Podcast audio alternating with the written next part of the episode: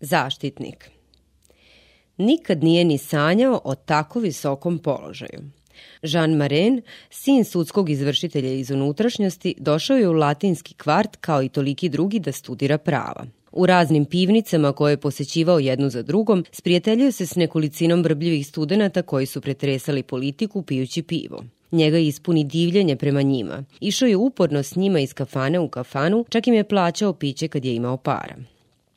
Zatim je postao advokat i branio je sporove koje je gubio. Jednog jutra doznade iz novina da je jedan od njegovih starih drugova iz latinskog kvarta izabran za narodnog poslanika. On ponovo postade njegov verni pas, prijatelj koji obavlja dosadne poslove, koga pozivaju kada je potreban i s kojim nema ustručavanje. Ali se desi da skupštinskom slučajnošću poslanik postade ministar. Posle šest meseci Jean Maren bi naimenovan za državnog savetnika. U početku je imao takvu krizu gordosti da je izgubio glavu. Išao je ulicama iz čistog zadovoljstva da se pokaže, kao da je njegov položaj mogao da se pogodi čim ga neko vidi. Nalazio je načina da kaže trgovcima kod kojih je ulazio, prodavcima novina, čak kočijašima fijakera povodom najbeznačajnijih stvari. Ja, koji sam državni savetnik.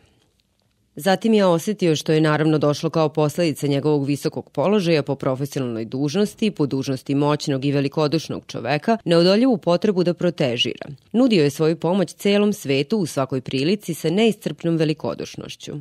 Kada bi na bulevarima sreo lice nekog poznanika, prilazio mu je očarana izraza, uzimao mu ruke, raspitivao se za zdravlje, zatim nečekajući pitanja izjavljivao je. Znate, ja sam državni savetnik i stojim vam na usluzi. Ako mogu da vam budem od koristi, iskoristite me, ne ustručavajući se. U mom položaju čovek ima dugu ruku. Onda je ulazio u kafane s prijateljem koga je sreo, pa bi zatražio pero, mastilo i list hartije za pismo. Samo jedan list, Kellner, hoću da napišem jedno pismo s preporukom.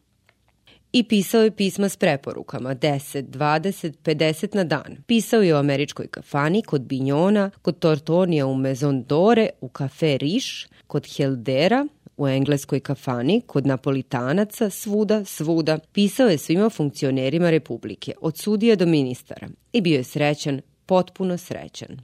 Jednoga jutra kada je pošao od kuće u državni savet, poče da pada kiša. Kolebao se da li da uzme fijaker i ne uze ga, nego pođe pešice kroz ulice.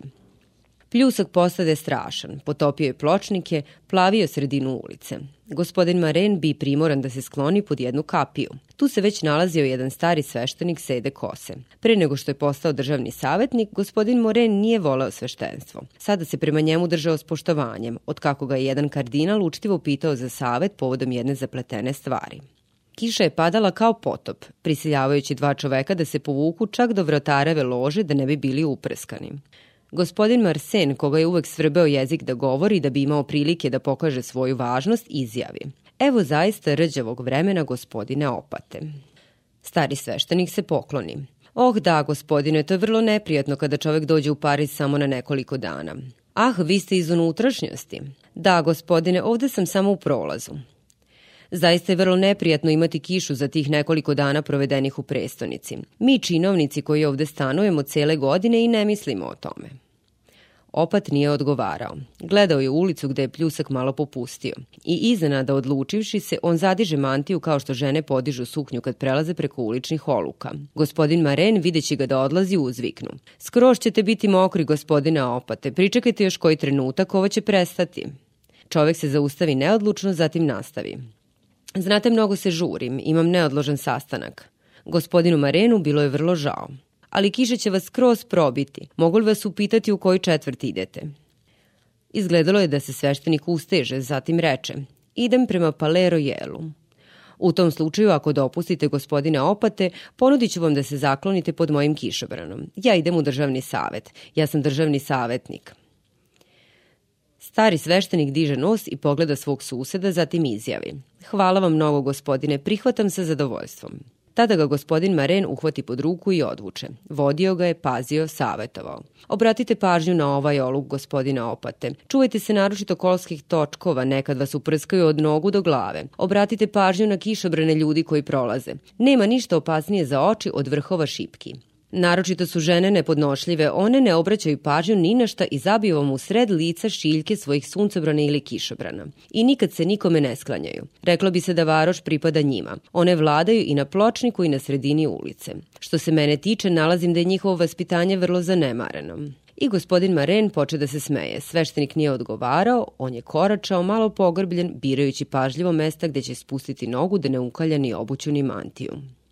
Gospodin Maren nastavi. Vi ste bez sumnje došli u Pariz da se malo razonodite. Čovek odgovori. Ne, imam jedan posao.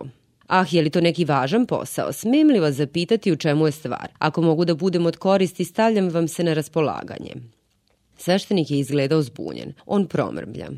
Ah, to je mala lična stvar. Mala teškoća sa mojim biskupom. Ne bi vas zanimalo. To je jedna, jedna stvar unutrašnjeg reda, crkvene prirode. Gospodin Maren se užurba. Ali baš državni savet odlučuje o tim stvarima, u tom slučaju koristite se mnome. Da, gospodine, upravo i idem u državni savet, vi ste veoma ljubazni. Treba da vidim gospodina Lerpera i gospodina Savona, a možda i gospodina Petipa. Gospodin Maren se naglo zaustavi. Pa to su moji prijatelji, gospodine Opate, moji najbolji prijatelji, odlične kolege, divni ljudi. Preporučit ću vas trojici i to vrlo toplo. Računajte na mene. Sveštenih zahvali sav se zaplete u izvinjenja promuca hiljadu zahvalnih reči. Gospodin Maren je bio očaran. Ah, možete se pohvaliti da imate ludu sreću, gospodine Opate. Videćete, videćete da će vaša stvar ići kao podmazana zahvaljujući meni. Stigli su u državni savet, gospodin Maren uvede sveštenika u svoj kabinet, ponudi mu stolicu, namesti ga pored vatre, zatim sede za sto i poče da piše. Dragi kolega, dopustite mi da vam najtoplije preporučim jednog časnog sveštenika, jednog od najdostojnijih i najzaslužnijih gospodina Opata. On prekide i upita. Vaše ime, molim vas? Opat Sentir. Gospodin Maren produži da piše gospodina Opata Sentira, kome je potrebna vaša pomoć u jednoj maloj stvari o kojoj će vam govoriti. Srećan sam zbog ove okolnosti koja mi daje priliku, dragi kolega, i on završi sa uobičajenim pozdravima. Kada napisao sva tri pisma, dade ih svome štićeniku koji ode posle bezbroj izraza zahvalnosti. Gospodin Maren završi rad u savetu, vrati se kući, provede mirno dan, preospava noć u miru, probudi se sav očaran i zatraži da mu se donesu novine. Prve koje je otvorio bile su radikalni list. On pročita. Naše sveštenstvo i naši činovnici.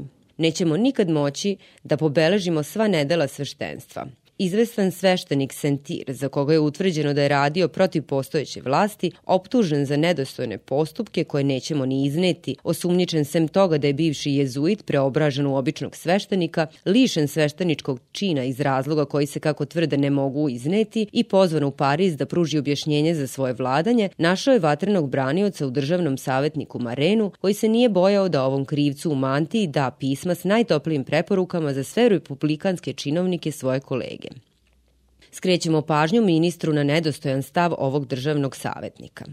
Gospodin Maren skoči, obuče se, otrča kod svog kolege Petipa koji mu reče Za Boga, pa vi ste ludi što im preporučujete tog starog zaverenika. A gospodin Maren preneražen promuca – Ali ne, vidite, bio sam prevaren. Imao je izgled tako krasnog čoveka. Izigrao me je. Samo me je izigrao. Molim vas, nastojite da bude strogo osuđen, vrlo strogo. Ja ću pisati, recite mi kome treba da pišem da bi bio osuđen. Naći ću državnog tužioca i parijskog nadbiskupa, da, nadbiskupa. I sedajući naglo za sto gospodina Petipa, on napisa – Monsenjeru, čas mi je obavestiti vašu visost da sam bio žrtva intriga i laži izvesnog opata Sentira koji se koristio mojom dobronamernošću. Prevaren uveravanjima tog sveštenika, ja sam mogao... Zatim, kada je završio i zapečatio pismo, okrete se svom kolegi i izjavi. Vidite, dragi prijatelju, neka vam ovo bude nauk. Ne preporučujte nikad nikog.